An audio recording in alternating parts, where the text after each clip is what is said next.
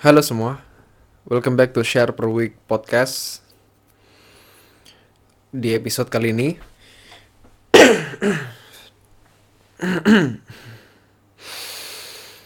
saya akan bahas tentang uh, body shaming. Apa? Body shaming. Apa itu body shaming? Um, saya nggak usah jelaskan terlalu akademis ya. Saya jelaskan secara istilah aja yang terkenal di masyarakat kita. Intinya, body shaming um, itu mengejek uh, fisik, bentuk fisik dari ujung rambut, kepala sampai kaki. Ya. Ketika ada orang yang mengejek Anda, mengejek tubuh Anda. Misalnya, mohon maaf, sekali lagi mohon maaf. Misalnya hidung Anda pesek. Terus teman-teman Anda di kelas atau di kantor mengejek Anda, hidung Anda pesek. atau Anda punya mohon maaf, sekali lagi mohon maaf. Uh, badan Anda gemuk, ya laki-laki atau perempuan, terus teman-teman Anda mengejek Anda gemuk dan sebagainya dengan julukan-julukan yang buruk. Oke. Okay. Intinya di video kok kok di video. Di episode podcast audio kali ini saya minta maaf ini agak sakit juga sebenarnya. Tapi oke okay lah, ya, akan saya bahas sejelas-jelasnya insya Allah. Um, di episode kali ini, inti yang ingin saya share kepada Anda semua adalah um, celaan kepada orang-orang yang melakukan body shaming atau bullying terhadap uh, fisik seseorang.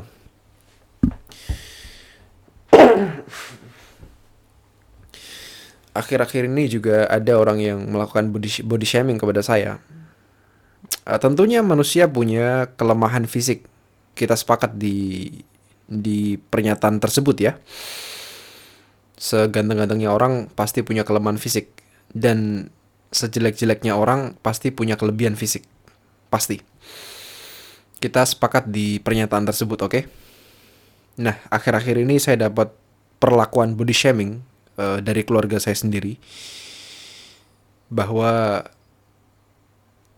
intinya julukan buruk lah dan saya sangat marah sangat marah um, dengan julukan tersebut langsung saya bentak orangnya langsung saya bentak orangnya sangat keras sampai-sampai pintu itu saya saya kalau istilah bahasa Jawanya ya saya jebleskan dengan keras ya ya saya saya hantam pintu, saya pukul pintu, ya sampai terdengar keras sekali. Ya, saking marahnya saya dengan julukan yang disematkan kepada saya. Saya benci body shaming. Saya benci itu. Saya udah menahan um, bertahun-tahun untuk sabar. Tapi memang kadang-kadang lepas kendali kalau memang udah keterlaluan. Pintunya saya saya tinju lah ya saya saya pukul pakai tangan saya kepalkan tangan saya dengan keras sampai um, um, berbunyi sangat keras sekali satu rumah kedengaran semua nah orang-orang yang melakukan body shaming. Orang-orang yang melakukan body shaming. Orang-orang yang mengejek fisik seseorang. Siapa pun dia ya. Orang ini, orang yang melakukan body shaming ini, dia menempatkan kemuliaan di bagusnya fisik dan tampannya wajah. sekali lagi, kalau Anda nggak paham, tolong dengarkan sekali lagi. Saya akan buatkan kaidah kepada Anda. Tolong dengarkan kaidah saya berikut ini, karena ini kaidah penting sekali orang-orang yang melakukan body shaming adalah mereka yang menempatkan kemuliaan itu tempatnya berada di bagusnya fisik dan tampannya wajah. Faham? Saya jelaskan. Jadi, orang-orang bangsat ini, Afwan, saya memang agak emosi ini. Saya mohon maaf, tolong jangan ikuti ya kalau saya uh, bicara kotor. Saya mohon maaf karena bener-bener emosi saya sekarang. Um, orang-orang body shaming ini, orang-orang yang melakukan body shaming ini, kalau mereka ketemu orang ganteng, contoh, kalau orang-orang yang melakukan body shaming ini, ya kan dia kan dia mengejek mengejek orang tertentu karena jeleknya fisik orang itu, iya kan? Misal dia nggak suka hidung hidung pesek, maka kalau dia ketemu orang pesek, dia hina orang pesek itu. Kan begitu kan body shaming? Orang-orang yang melakukan body shaming ini kalau ketemu orang ganteng, misal ya, misal, kalau orang-orang yang melakukan body shaming ini cewek, cewek ya, kalau dia ketemu dengan laki-laki yang berwajah ganteng, contoh, artis-artis Korea, contoh lagi, idol-idol K-pop yang laki-laki, cewek bangsat ini yang melakukan body shaming kepada orang jelek, ketika mereka bertemu dengan orang-orang ganteng sekelas orang-orang Korea, maka orang-orang yang melakukan body shaming ini akan memuliakan orang Korea dan merendahkan orang-orang jelek yang mereka nggak suka. Saya akan pakai kaidah mafhum mukhalafah. Mafhum mukhalafah. Pemahaman kebalikan. Jadi, ketika Anda mendapati ada orang yang menjelek-jelekan atau mengejek orang jelek, orang yang berwajah jelek, maka bisa di maka Anda bisa memakai kaidah mafhum mukhalafah, pemahaman kebalikan. Maka ketika orang ini bertemu dengan orang ganteng, maka orang ganteng ini akan dimuliakan oleh dia. Padahal dia, padahal orang ganteng ini orang orang kafir. Orang kafir. Oke. Okay. Orang kafir rendah di, di hadapan Allah Jalla wa ala. Sepakat para ulama. Serendah-rendahnya kaum muslimin, serendah-rendahnya kaum muslimin, ya, seburuk-buruknya kaum muslimin lebih bagus ketimbang orang kafir. Saya ada saya menulis uh, sebuah buku buku buku kecil ya, saya mengarang mengarang sebuah kitab kecil ya. Saya menulis sebuah karya tulis. Karya tulis ini saya beri nama adab yang ringkas. Adab yang ringkas. Jadi di buku kecil ini buku ringkas ini saya kumpulkan adab-adab yang uh, uh, sesuai sunnah insya Allah dengan ringkas. Saya juga mencantumkan topik body shaming di uh, di kitab saya ini.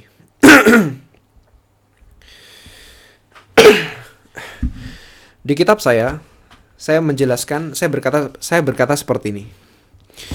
Jangan pernah nyaman duduk bersama orang yang memandang kemuliaan tempatnya di wajah. Itu kata saya di buku ini. Saya lanjutkan. Orang ini lanjutan yang tadi. Orang-orang yang memuliakan manusia karena tampan atau cantiknya orang tersebut, maka ketika dia bertemu dengan Al-Imam Uwais Al-Qarni, maka orang kotor ini akan menghinakan imam panutan kita ini. Saya lanjutkan, dengarkan dulu, nanti nanti saya jelaskan. ini lanjutan yang tadi.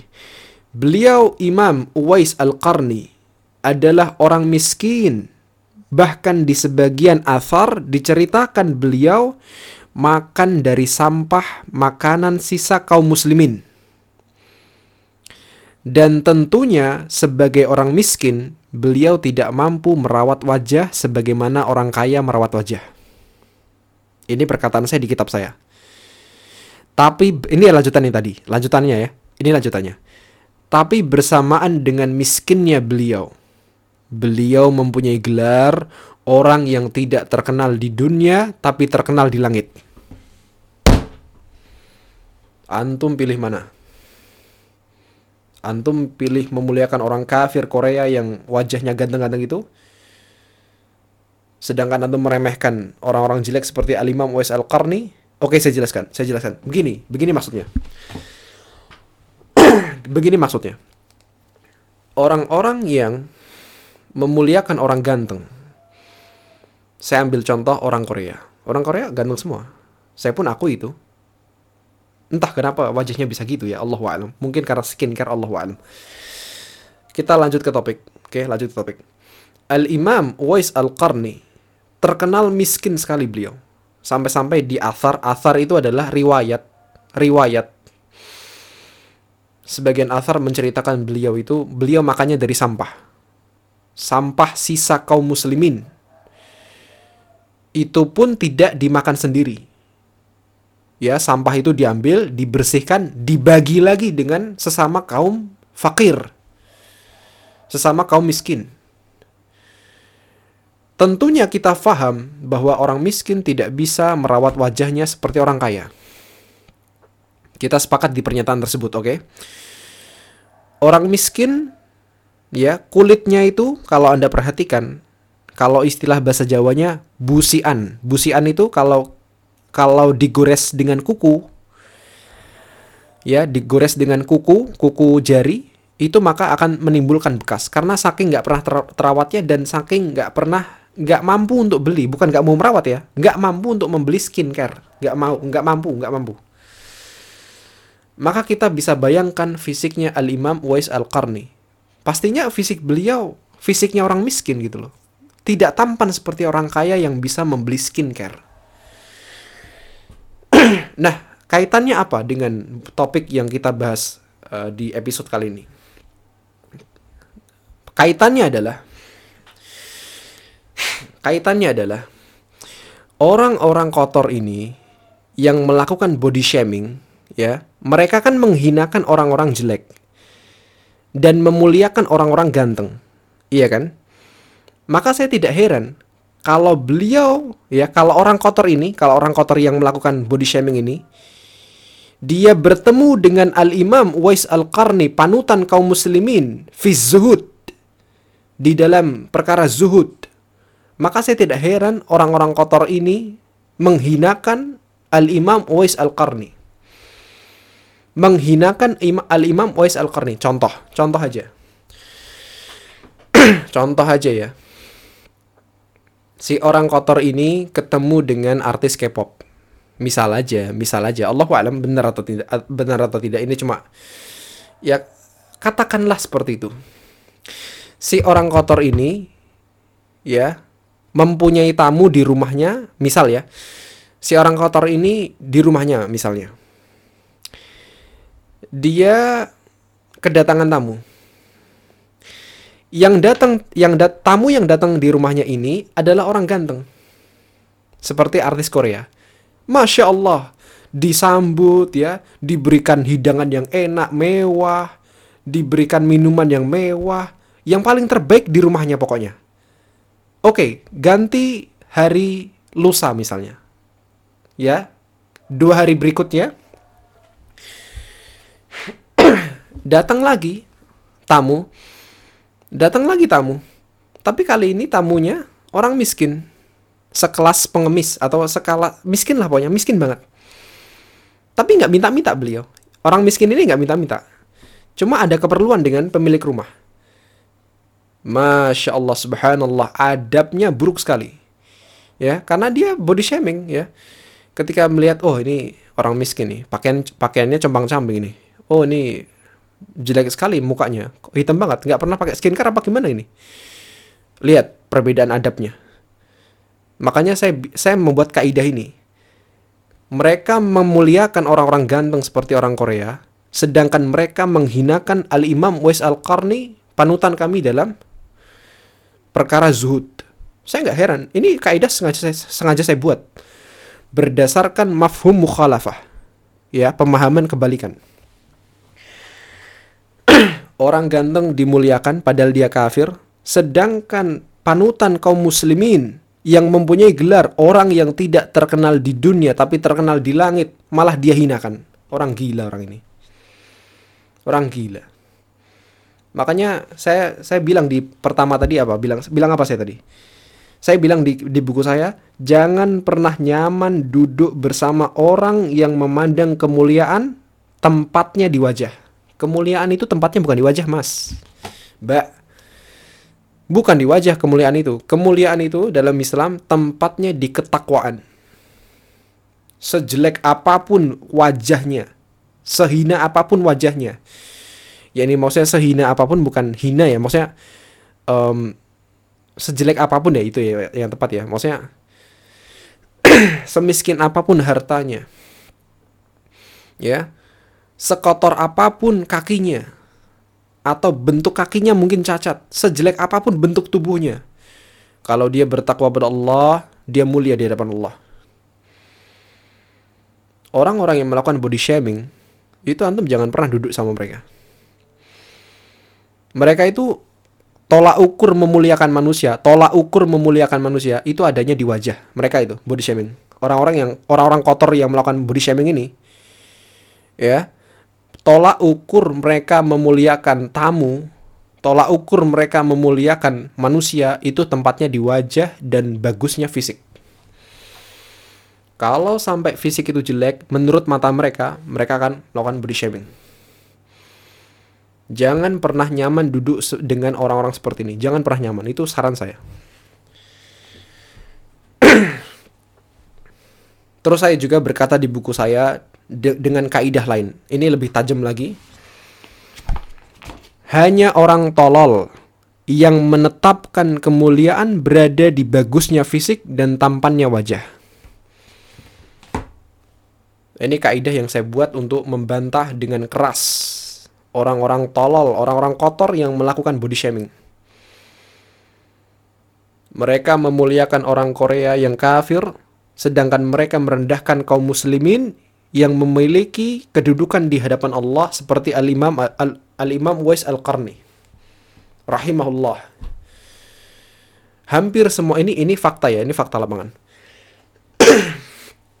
Hampir semua ulama dalam dunia Islam itu wajahnya nggak terlalu ganteng. Coba lihat. Antum kenal Syekh Uthaymin, Syekh Muhammad Ibn Saleh Al-Uthaymin rahimahullah Beliau nggak ganteng, jauh dari kata ganteng. Maka saya nggak heran kalau beliau Syekh Utsaimin rahimahullah ya diejek mukanya, diejek kakinya, diejek tubuhnya oleh orang-orang kotor ya, ya, uh, pengikut body shaming. Saya nggak heran sama sekali. Orang-orang kotor ini hendaknya dijauhkan. Jangan pernah gaulkan anak Anda atau Anda sendiri dengan orang-orang seperti ini. Oke. Okay? Kalau bisa sih tampar aja itu wajahnya. Orang-orang kotor ini dijauhi aja. Mulutnya itu toksik. Mulutnya toksik, racun. Oke. okay memuliakan orang kafir yang ganteng sedangkan sedangkan mereka merendahkan kaum muslimin padahal ses sesama agama mereka. Orang kotor ini. Orang kotor. Jauhi aja toksik mulutnya. Mulutnya itu ada racun yang berbahaya ya. Ini saran dari saya. Hendaknya antum jauhi orang-orang uh, kotor ini. Karena mereka itu tolak ukurnya di wajah dan di bagusnya fisik. Kalau sampai di fisik antum ada cacat menurut mata mereka, mereka pasti akan menjelek-jelekan antum di belakang atau kalau mereka berani di terang-terangan. Mungkin itu aja. Ini cuma sekedar sharing. Memang ini um, agak emosi cuma ya uh, saya berharap Anda jangan tiru eh, perkataan-perkataan kotor saya. Tadi itu uh, terbawa emosi secara spontan. Saya minta maaf kalau Anda gak nyaman dengan kata-kata kotor. Saya kebawa emosi saya. Karena dalam kehidupan perjalanan kehidupan saya, saya melakukan uh, pernah mengalami body shaming ya berkali-kali. Ada mungkin kalau ratusan kali di masa SMP ya. Sudah per, sudah pernah saya jelaskan di di di episode pertama. Silahkan kembali ke episode pertama kalau mau mendengar sedikit cerita saya di masa SMP itu udah khatam saya dengan orang-orang yang punya punya kebiasaan kotor di lisan mereka. ya body shaming itu kebiasaannya. Ya ada orang gemuk diejek ada orang pesek diejek ada orang hitam diejek ada orang putih Cina pun diejek. Ya ada orang sipit diejek. Eh datang Korea dipuji bangsat. Datang Korea dipuji kot saya pengen bicara kotor tapi saya mohon maaf. Mohon maaf saya saya mohon maaf.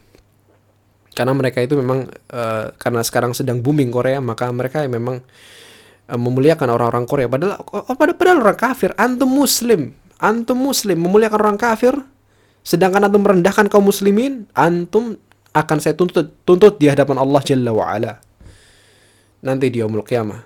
Antum sebenarnya loyal sama siapa loyal sama Islam atau sama orang kafir kalau sama orang kafir ya keluar dulu mbak keluar dulu mas dari Islam ganti itu KTP atau sekalian pindah ke Korea. Jangan di Indonesia, Indonesia mayor, mayoritas Islam. Kalau Anda nggak loyal dengan kaum muslimin ya pindah aja. Bikin penyakit. Bikin penyakit. Oke. Okay? Uh, jauhi orang-orang yang punya uh, lisan kotor ini. Mungkin itu aja. Saya benar-benar minta maaf kalau anda nggak nyaman dengan kata-kata kotor. Saya emosi banget. Dah gitu aja. Saya nggak mau bahas lagi. Um, podcast episode kali ini saya akhiri uh, sampai sini aja. And I'm out